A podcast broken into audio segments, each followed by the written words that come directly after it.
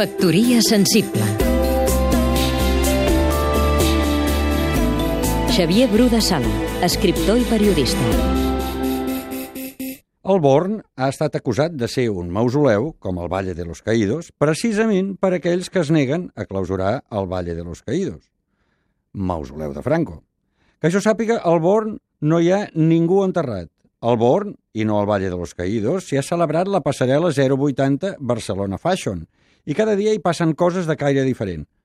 Sota la direcció de Quim Torra, el Born mira de recuperar els jocs antics i la gastronomia tradicional de Barcelona, per ser ben recomanable a tots els paladars curiosos i afinats. És clar que al Born hi ha les restes d'una part del barri que les tropes vencedores borbòniques van obligar a desmuntar casa per casa, i això és memòria vivent, i les pedres parlen de la humiliació i de la fi de l'autogovern pendents de recuperar.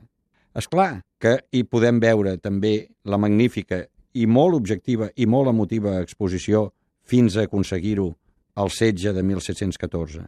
Però també hi podem reveure, a partir del magnífic i exhaustiu treball de l'historiador Albert García Espuche, la Barcelona del 17, saber qui vivia a cada casa, a què es dedicava i en quines xicres degustava la xocolata. Però per damunt de tot, el Born presenta un aspecte magnífic, proporcionat pel contrast i el diàleg entre el subsol al descobert, el carrer que el travessa i l'estructura arquitectònica del propi mercat.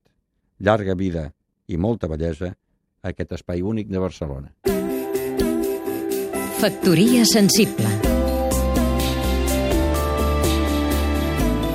Seguim-nos també a catradio.cat